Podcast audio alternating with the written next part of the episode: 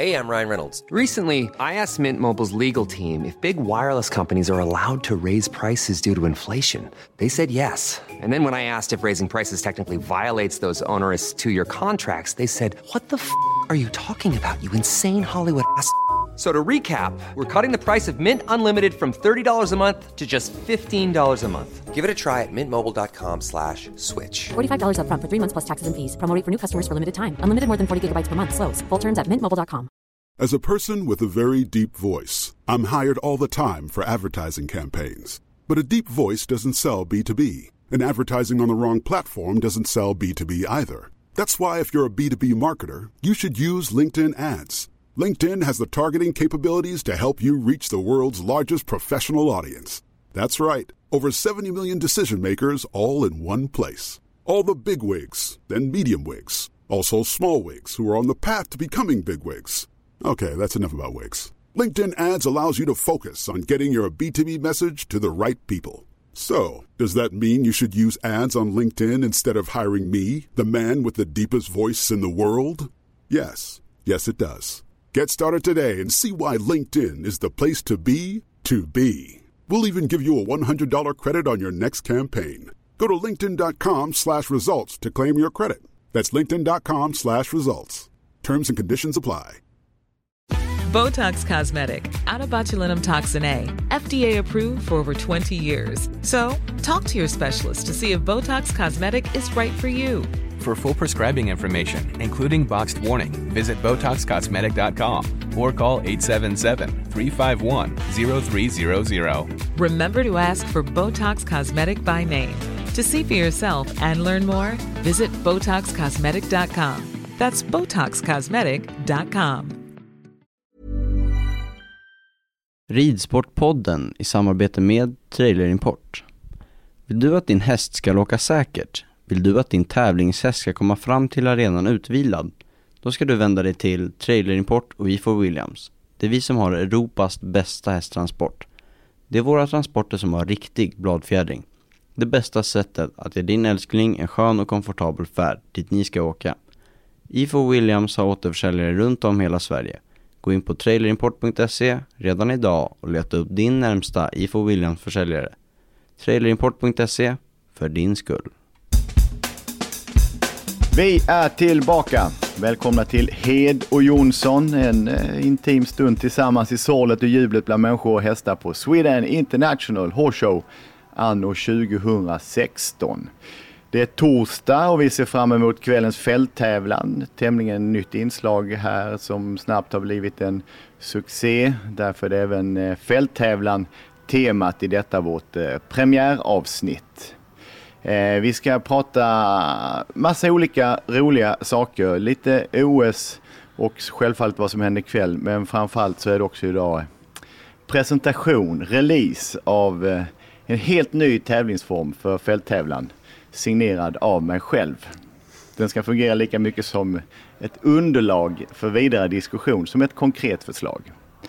Linda Hed, hoppryttare, expertkommentator, derbyspecialist. Varit på pallen i både Hamburg och vunnit i Falsterbo. Derby ligger ju nära fälttävlan. Varför testar inte du fälttävlan? Ja, jag hade nog egentligen eh, velat om jag hade haft en bra häst för det. Columbus H som jag hade väldigt fina framgångar med, han var ju enormt bra eh, på just att hoppa de här lite mer terrängliknande hinnorna. Men sen ska jag väl bara erkänna att eh, jag är lite rädd för skador och eh, tycker att det är lite farligt ibland. Ja men det är ju det här modet som man i hoppningen ibland kan se i omhoppningar. Men då är det ju en sväng kanske, två hinder, ett avstånd som ska kortas. Men det är väldigt, det är väldigt, på väldigt eh, specifika platser. Men i fälttävlan är det en annan typ av mod. Ja, men jag, jag tycker ju också om den här adrenalinkicken som, som just terrängen gör. Eh, du måste ju också vara väldigt uthållig och, och klara den där banan. Eh, modet behöver du ju även i hoppningen, eh, fast det är på ett annat sätt. Ja, det är ju en ädel tävlingsform i det att den starkaste mannen eller kvinnan är den som står upp när allt är över. Hjärtligt välkomna våra eleganta och fina gäster. Hanna Berg, Hej hej. kul att vara på Friends. Tack tack. Har du varit inne och tittat, känt av lokaliteterna? Jag har varit inne och kollat själv men vi får inte komma in och rida förrän efter lunch. Har du ridit på en arena med så här mycket människor i publiken tidigare? Nej, det närmaste är Flyinge. och det är inte så... Och det är ganska långt ifrån. Ja, väldigt. Ludvig Svenestål, welcome back home to Sweden. Tack så mycket. När kom du till stan? I förrgår. Väldigt kul att vara här. Kan du berätta för Hanna vad det innebär att rida in på Friends när det sprutar adrenalin i öronen både på ryttare och även häst? Alltså jag tycker det är helt fantastiskt. Jag tror, jag vet inte om det är jag som fälttävlansryttare som inte får uppleva publiken så nära så att de liksom, jag är världens tönt. Men alltså, jag hoppas att det är samma för hoppryttarna, att de tycker att nej, men det är verkligen skitbra drag och jättekul. Jag, Ja. jag, förlåt, jag, jag såg ju dig här för något år sedan och du satte igång publiken. Jag tyckte det, adrenalinet bara sprutade om dig och man blev ju nästan lika tagen själv när man såg dig. Ja, jag tror jag blev lite vältagen. Det var det som blev problemet. Men ja, nej, jag tycker det är skitkul. Men det måste ju också vara en eh, fantastisk tävlingsform att få rida inomhus. Det är ju en variant av det som ni gör på, på riktigt, men att få vara inför så tydlig publik. Ja, det är absolut. Jag menar, som i fälttävlan så kan det vara väldigt många som är badminton då har 250 000 som kommer över helgen. Men det blir inte samma intensitet. Det är ju utspridd över en, en hel terrängbana så det blir aldrig det här trycket av att alla står och skriker. Att det blir väldigt hög ljudvolym och, och det, det blir som en helt annan känsla. Men det är fortfarande fälttävlan. Det är inte bara en, en skojig eh, showversion. Det är fortfarande ett skarpt läge. Ja, absolut. Det här, är liksom, det här är nog en av de klasserna under året som man verkligen vill vinna. Speciellt som svensk. Alltså det, det är hemmaplan. Jag, det här är enda tävlingen i år jag rider i Sverige egentligen. Och det är liksom, jag vill inte komma hem och vara sist. Liksom. Jag tänkte på, alltså, tränar man hemma med den här höga musiken? Alltså för ni, ni har inte musik på samma sätt när ni tävlar annars. Jag, har- jag har inte gjort det faktiskt. Men sen beror det lite på typ som den hästen jag har i år. Den har hoppat en del så den har hoppat lite mer inomhus och sådär. Det, det som har varit tidigare år har nästan varit mer att som, vi rider inte så mycket inne och i ridhus och tävlar i ridhus. Att de har blivit mer spända av det än liksom kanske just ljudet och ljuset och sådär. Jag kan ju tycka själv när man eh, hoppar showklasser, när publiken är så pass på, att det är svårt att fokusera. Att man liksom kanske gör lite slarvfel och sånt. När, när, när då du var så tuff och eh, mycket adrenalin, gjorde du slarvfel då? Kände det svårt att fokusera då när man är inne på banan? Absolut, till viss del. Det, är liksom, det blir lätt att man alltså, kanske tar fokus från... Alltså, att det blir för, blev då för mycket fokus mot att det blev liksom för mycket tryck och sådär och det var ju kul men det gick ju inte så bra liksom. Så. Det var liksom jag bara kollade hur jag red, jag bara, vad gör du? Det där får man liksom inte göra, det är liksom... Jag har roligt, jag älskar varje sekund, men det går inget bra. Nej, exakt. Men lite så. Men, Hur eh, för, har du förberett dig, Hanna? Det är första gången. Vad, hur, vad tänker du dig? Ja, eh, jag har varit ute på lite hopptävlingar och jag var terrängtränare faktiskt. Men det, det blev utomhus, men lite så snäva svängar.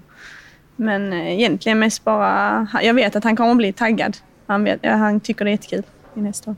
Men eh, det är egentligen bara att hålla fokus.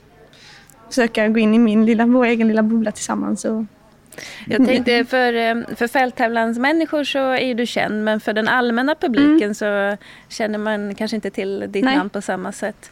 Eh, hur, hur, eh, hur känner du nu när du kom hit? Känner du att du skulle vilja vilja visa upp dig på ett annat sätt så att publiken får lära känna dig mera? Eller? Alltså, jag hoppas jag kan göra eh, att jag gör en bra runda och folk tycker att det, ja, lägger märke till när man gör det väldigt fint. Är det något speciellt som, som du känner att det här skulle jag vilja få fram? alltså, nej, jag vill bara visa vem jag är. Visa att vi kan också. Du kommer inte måla ut din häst i le- leopardfärger eller Nej, någonting? den blir lite, den blir lite rosa det detaljer. Ja men det är det som är läge. Har du repeterat ett segertecken eller Nej. någonting? Nej, jag, jag, jag på mina rosa detaljer så ser man, ser man när jag kommer.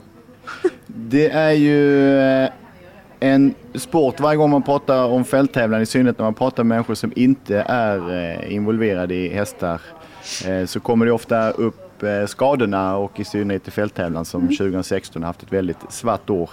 Eh, 2014 var du skadad, 2015 var du skadad. Mm. Det är inte mycket kvar 2016 nu. Nej. Vad har hänt i år?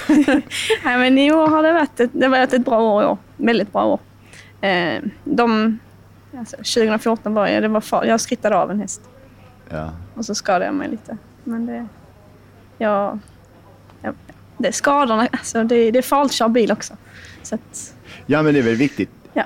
Ridsport är ju farligt, i alla fall i den bemärkelsen att riskerna är väldigt stora. Mm. Och vet du inte vad du håller på med så är riskerna Ja. väldigt stora Ja, men jag är, ändå, jag är mer rädd att köra bil i, såna, i trafiken. för de andra trafikanterna. Ja, de andra trafikanterna är jag mer...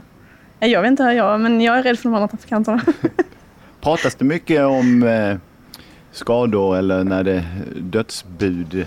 Det pratas väldigt mycket, väldigt mycket om säkerhet. Det är ju det är något som är alltså, det som pratas mest om. Och där är liksom, vart är sporten på väg? Är det mot ett, ett säkrare eller mindre säkert? Och sådär. Och det är ju, jag tycker att de senaste kanske fem åren så har det hänt väldigt mycket i hur hindren ser ut, hur de är konstruerade.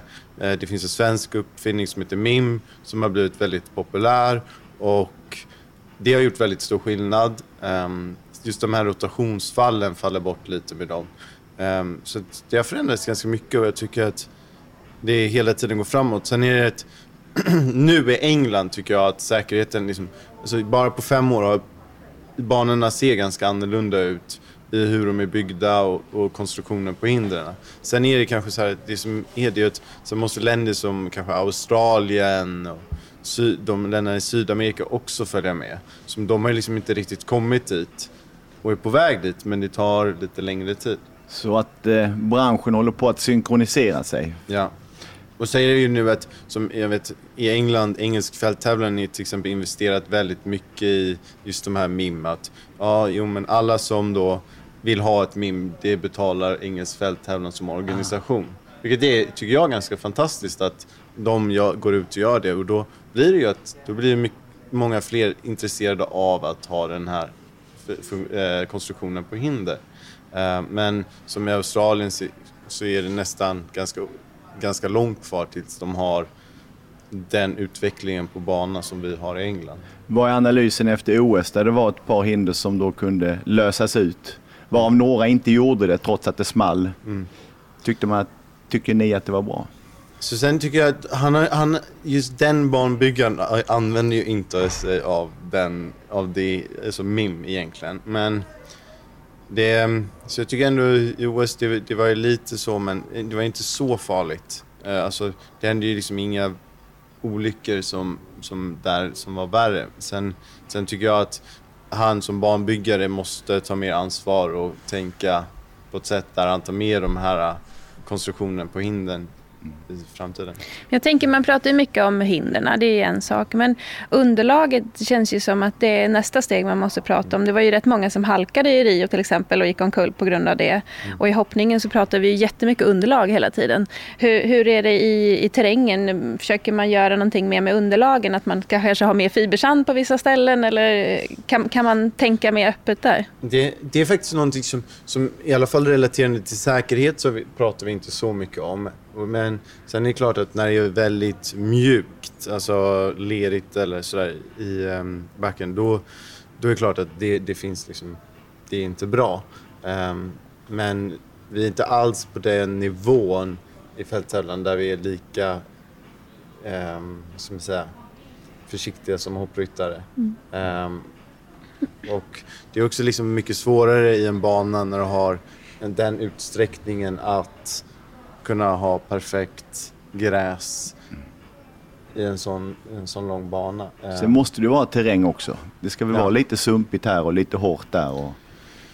Egentligen ska det inte helst inte vara det, men sen, sen blir ju det, alltså egentligen, det, jag tycker alltid det viktigaste är att, att det måste vara, alltså underlaget ska vara lika över hela banan. Det, är- det är nästan, det värsta som finns är att du går från mjukt till hårt till mjukt till hårt. Det, det är verkligen, det är katastrof.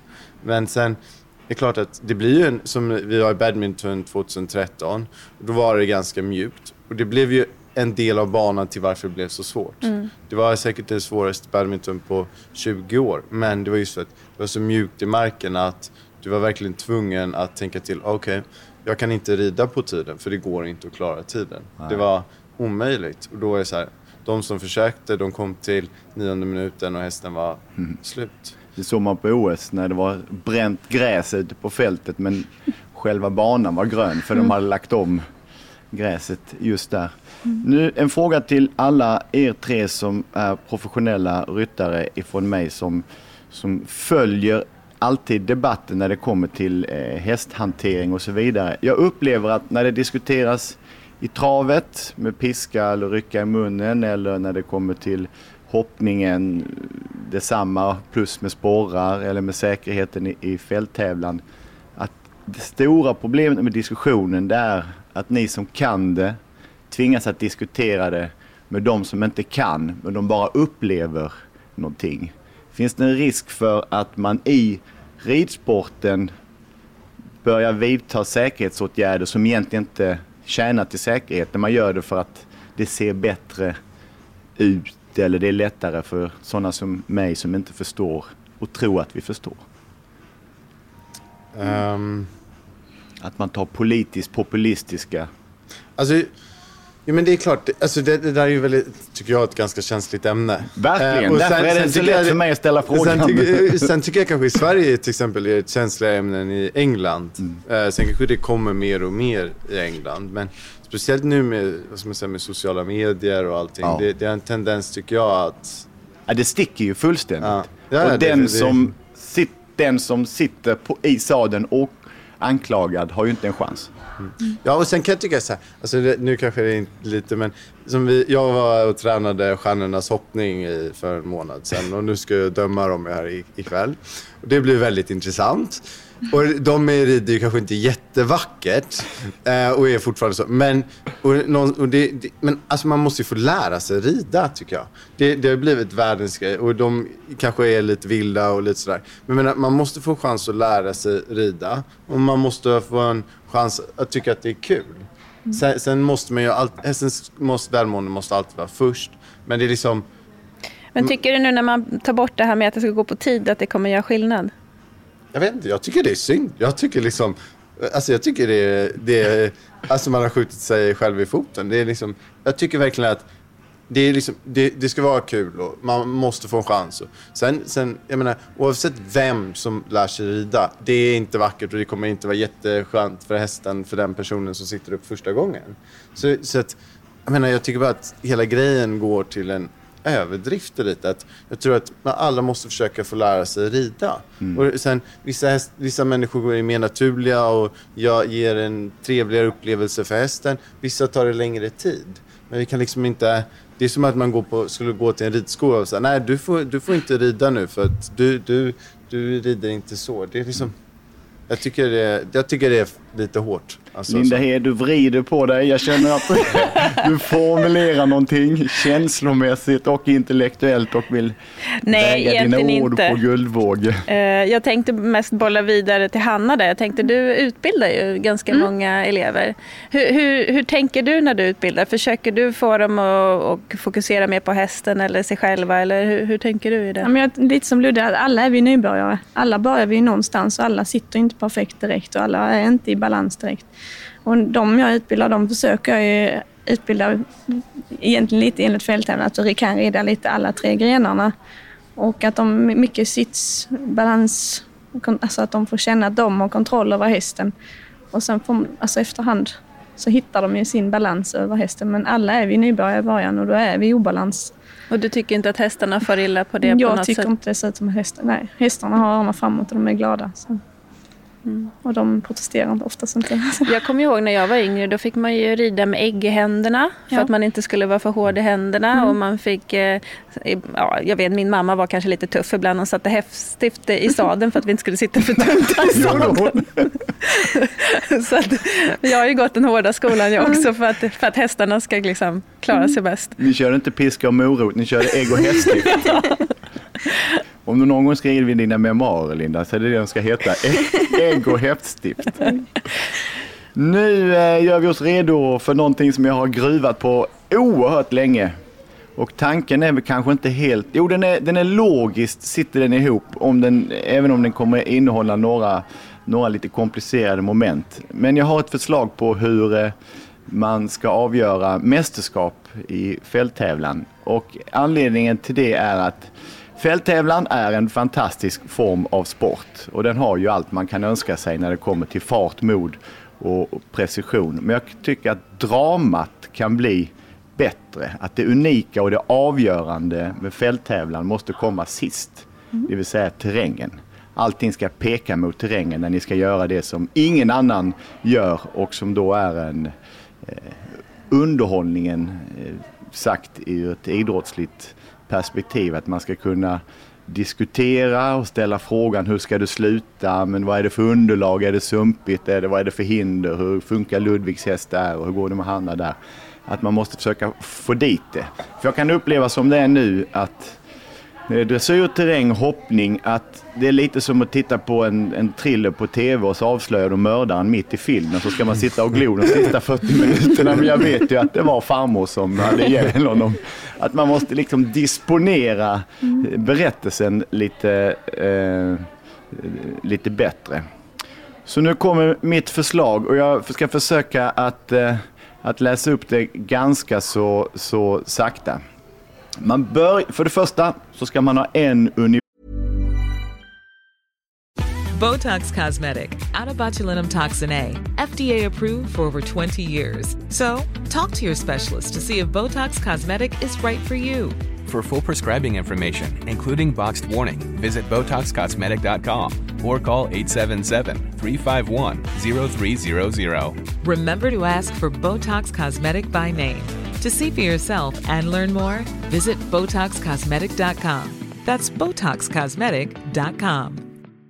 Hey, I'm Ryan Reynolds. At Mint Mobile, we like to do the opposite of what Big Wireless does. They charge you a lot, we charge you a little. So naturally, when they announced they'd be raising their prices due to inflation, we decided to deflate our prices due to not hating you. That's right. We're cutting the price of Mint Unlimited from $30 a month to just $15 a month. Give it a try at mintmobile.com slash switch. $45 upfront for three months plus taxes and fees. Promo rate for new customers for limited time. Unlimited more than 40 gigabytes per month. Slows. Full terms at mintmobile.com. form genom alla de tre eh, grenarna. Och detta för att visa att när du kommer in på en dressyr eller en hoppbana, ja men detta är en fälttävlanshoppning, detta är en fälttävlansdressyr. Möjligt att man kanske hänger på t-shirten i en jacka eller någonting, men man behåller sina färger i någon, i någon förstärker dem. Detta för att förstärka disciplinen i sig. Man börjar med dag ett, då är det hoppning på tid, table C. Du hoppar, du får en tid och den tiden kommer kallas för fel.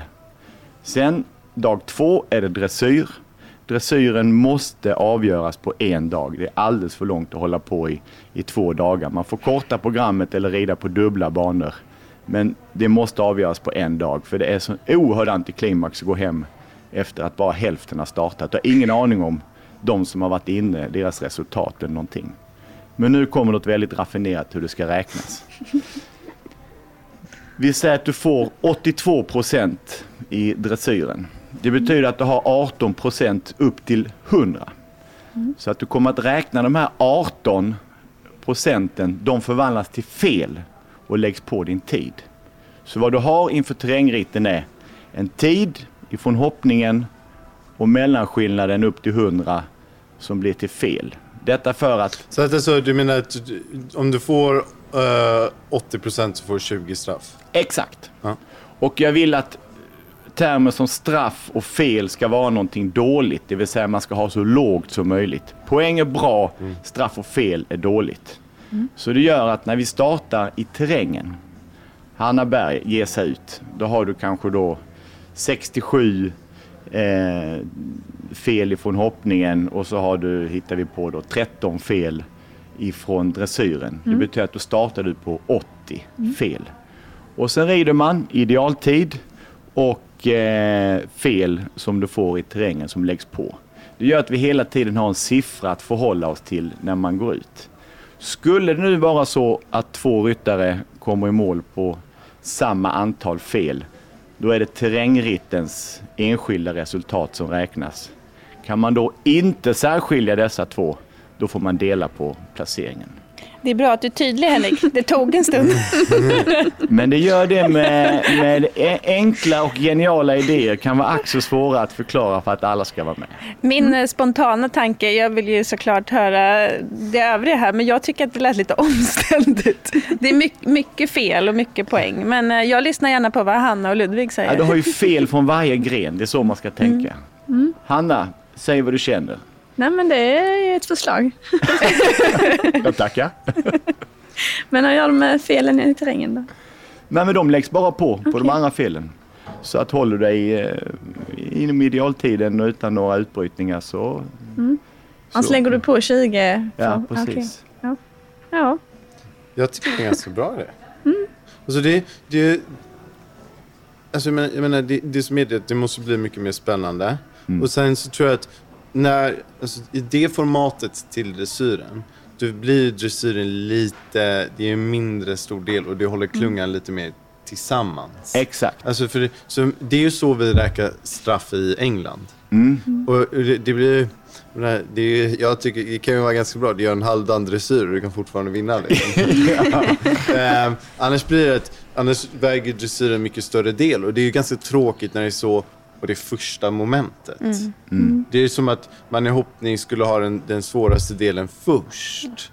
Nästan. Så du har får mest utslag då. Och Att man har sen blir det omhoppningen först. enklare. Mm. Nästan. Ja. Alltså, det, då tycker jag att, sen tycker jag alltid att Alltså jag, jag tycker att dressyren kan ju vara först, men sen tycker jag det är bra att ha hoppning innan terrängen också. Mm. Ah, så det finns en poäng i det. Jag förklarar bara min tanke så får du berätta varför. För att om man öppnar med en hoppning som är på tid så känner man hur mycket vågar de gå, hur mycket håller de tillbaka, vad har de för självförtroende i eh, dressyren. Men det bygger upp, det blir en, det blir en tydlig start.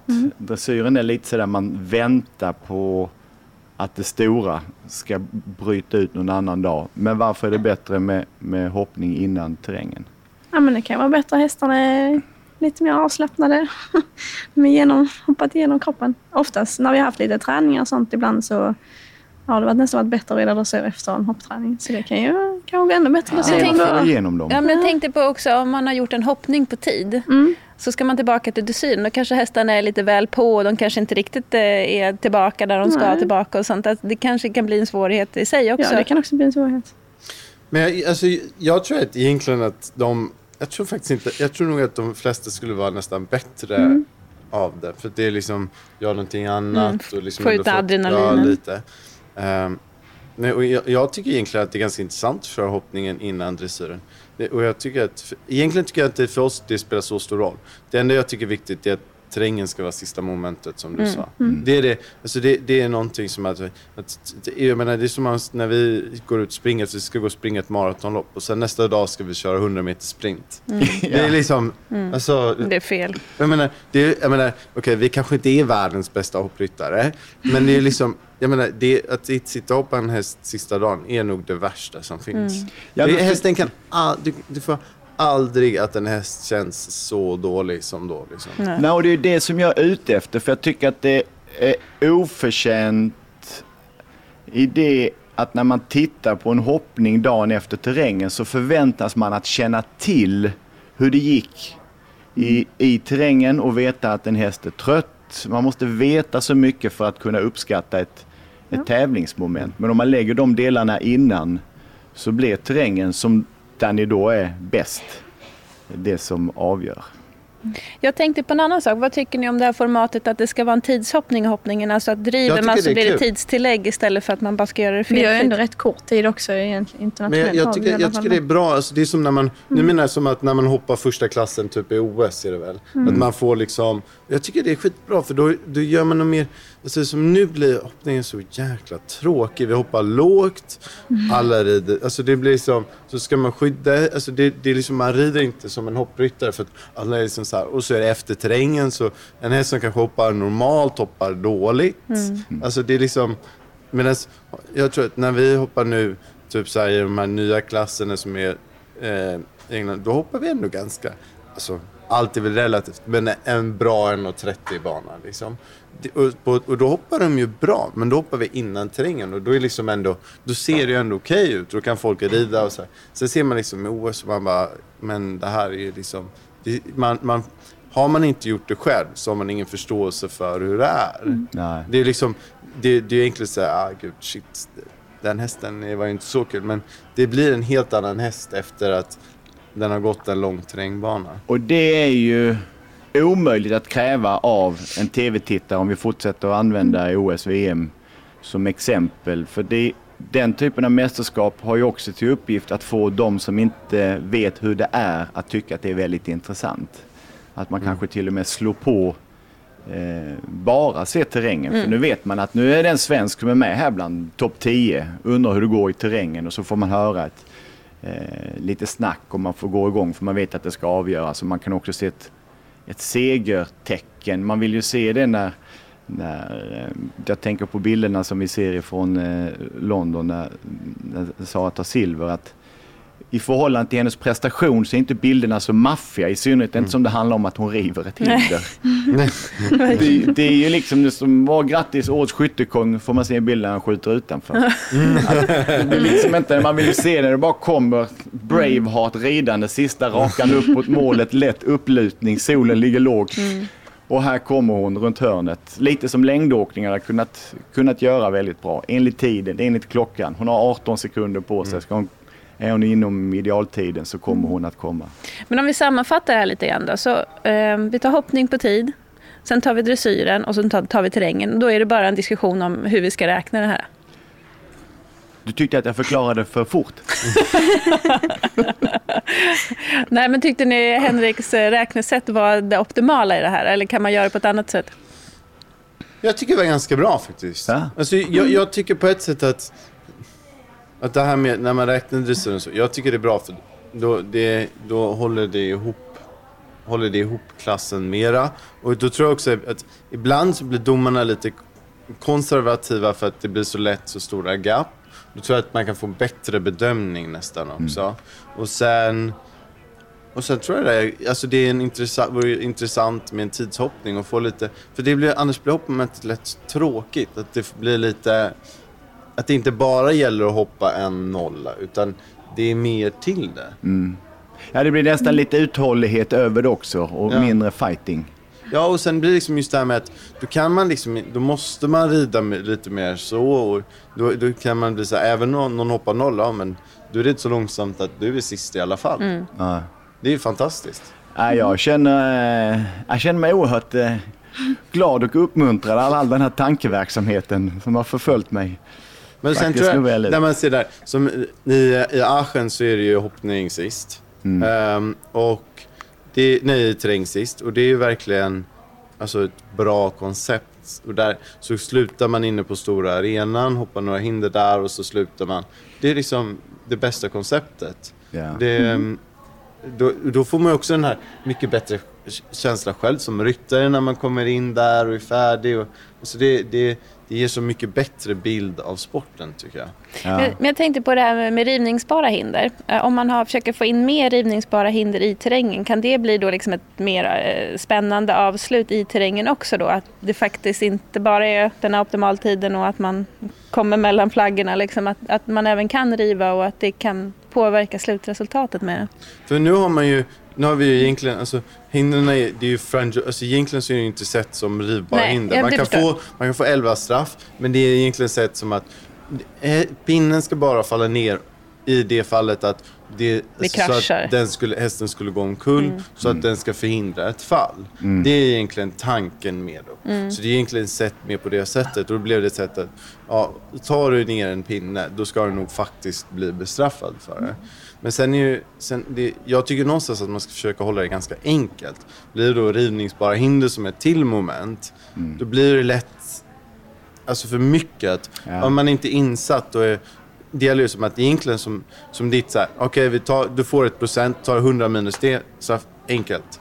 Det är ju ganska simpelt, det kan ju vem som helst förstå. Medan nu är det, så du tar en procent gånger 1,5 gånger 100. Alltså Ja. det är liksom alldeles för komplicerat. Och där tror jag liksom att alla de här straffen måste behå- hållas ganska enkelt. Det är tid som är det primära till exempel i terrängen. Ja men det man renodlar det. Mm. Klädseln, Hanna. Samma kläder rakt igenom. Ja, Lyfta upp de rosa detaljerna Ja. i en, ja man har kanske en jacka på dressyren. Ehm, för att det inte går så fort. Man kanske fryser när det blåser. Nej, ja. Men man visar att man har en enhetlig egen klädsel. men det försöker i alla fall jag. Ja. Men skulle du välja en typ av sadel då också? Alltså jag tänkte, du har, har du två olika sadlar eller tre olika sadlar? Två olika, en dressyren hopp. Men eh, och det är lite svårt att rida i dressyren i hoppsadeln. Tycker du? Ja, ja, speciellt. Ja, nej, men lite är det. Det går att sitta och trimma lite, men inte, inte vanlig, inte ren dressyr. Då är det rätt skönt att sitta i dressyr. sen. Och Vad tror du- ridstövlarna? Vad sa du? Ridstövlarna? Eh, där har jag nog två olika. Lite högre och Nej, jag, nej, jag har inte lyckats vänja mig vid ri- riktiga dressyrstövlar. Det- Nej, jag har vanliga, jag har nu hoppstövlar i dressyren känns det som. Men lite längre. Vad tror du om enhetlig klädsel, Ludvig? Man får se ett klipp och så ser man ah, det här var dressyren från fälttävlan.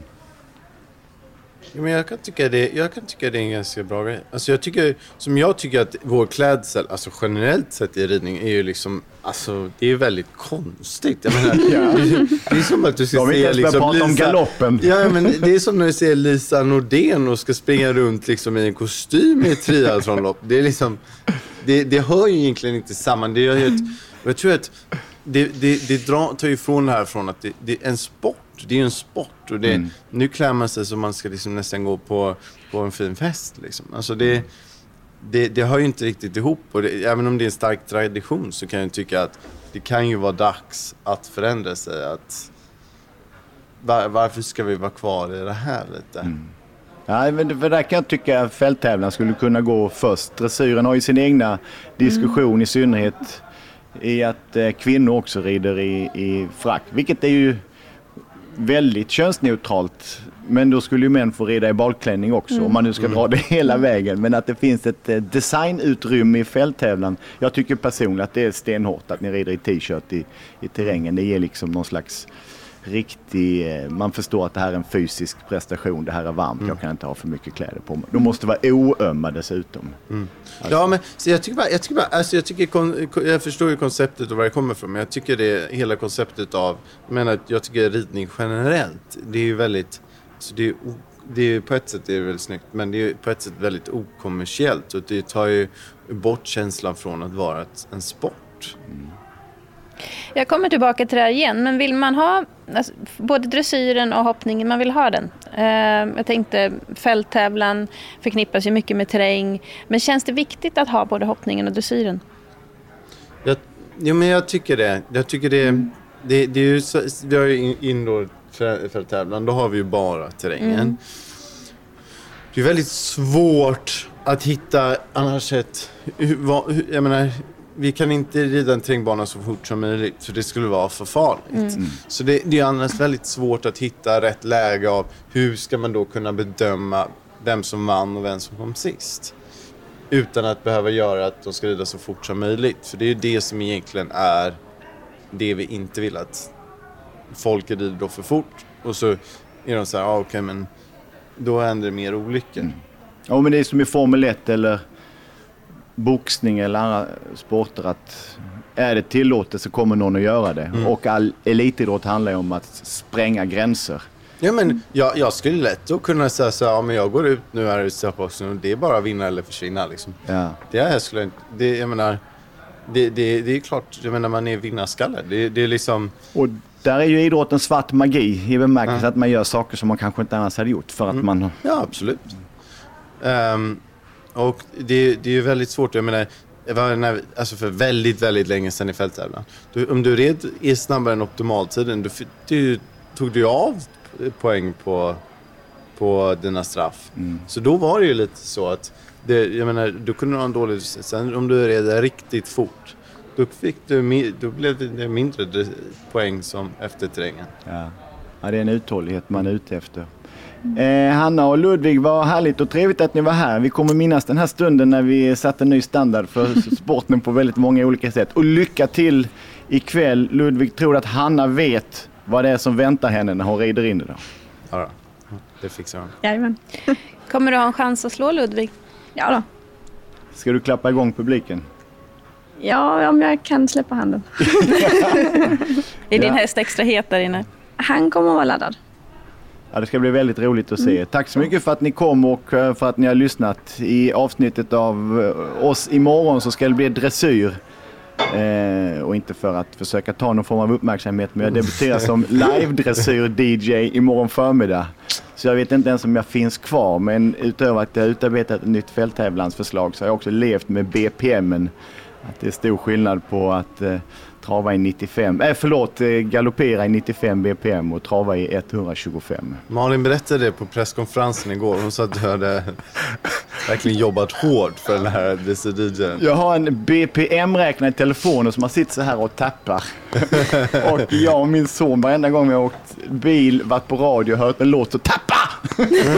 Alldeles för fort. Kanske Piaf, kanske Passage. Så kom Malin och sa, men måste, du måste ju känna hur det är att sitta i galopp. Ja, jag galopperade en gång 92, då var hästen som skenade med den jag skulle rida högvakten med. Bara, Jag har inget minne. Du bara upp på ryggen. Det är för sent, det är bara upp och wheel it up. Tack så jättemycket. Tack själv. Tack, tack. Ridsportpodden i samarbete med Trailer Import. Vill du att din häst ska åka säkert? Vill du att din tävlingshäst ska komma fram till arenan utvilad? Då ska du vända dig till Trailer Import och V4 Williams. Det är vi som har Europas bästa hästtransport. Det är våra transporter som har riktig bladfjädring. Det bästa sättet att ge din älskling en skön och komfortabel färd dit ni ska åka. Ifo Williams har återförsäljare runt om hela Sverige. Gå in på trailerimport.se redan idag och leta upp din närmsta Ifo Williams försäljare. Trailerimport.se för din skull. Botox Cosmetic, out of botulinum toxin A, FDA approved for over 20 years. So, talk to your specialist to see if Botox Cosmetic is right for you. For full prescribing information, including boxed warning, visit BotoxCosmetic.com or call 877-351-0300. Remember to ask for Botox Cosmetic by name. To see for yourself and learn more, visit BotoxCosmetic.com. That's BotoxCosmetic.com.